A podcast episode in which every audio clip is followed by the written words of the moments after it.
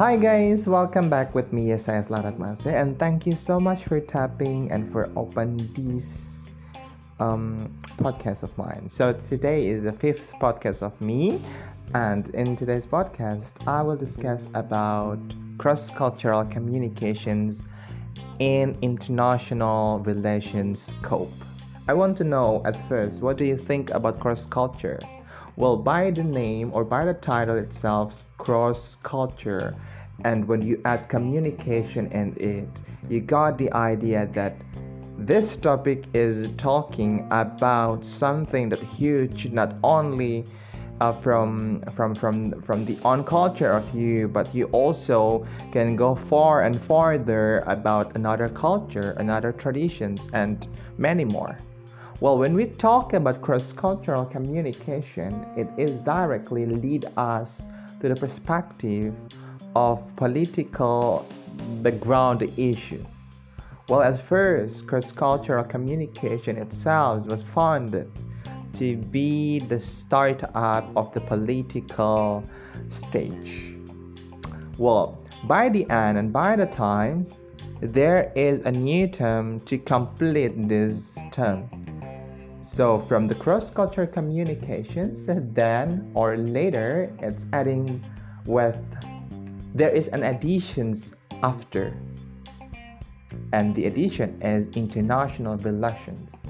So these two terms separate, finally come together, and then um, make a new perspective, uh, and then create a new idea, expand and widened a new idea about uh, the thinking or the idea of, of, cross culture itself. So, cross culture, by the end, it's not only cross cultural, but also it's complete to be the cross culture communication and international relations.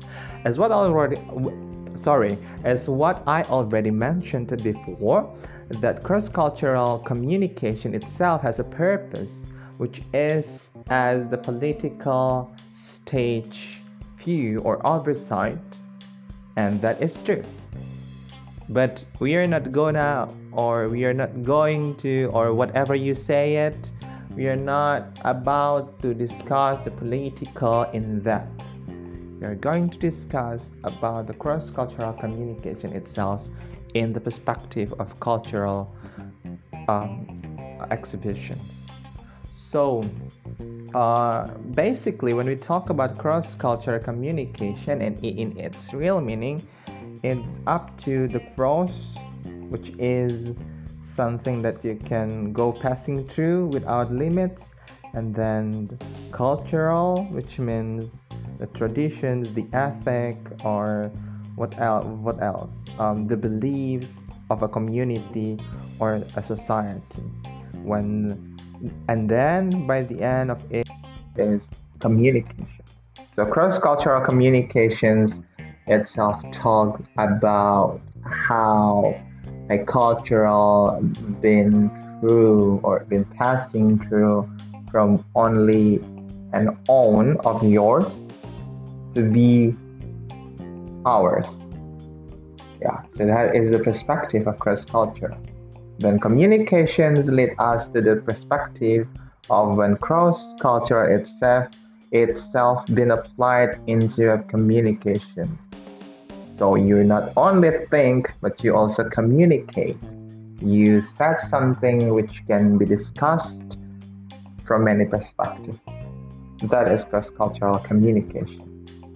And when it go to the next terms of international relations, you can find out or you can figuring out that uh, the cross-cultural communication in international relations means that you are about to make a relation which the relation itself can keep you in your own track whenever you go while you are in the way of internationalize your idea that's the point of cross-cultural communication in, interna- in, in international uh, perspective or in, in international relations perspective.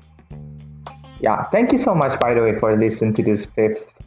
What can I say? I don't know, but yeah, this is something awkward to be um, telling of. But I hope that it can help you to find out a little bit more. Thank you so much see you in the next uh, podcast, uh, mini podcast of me.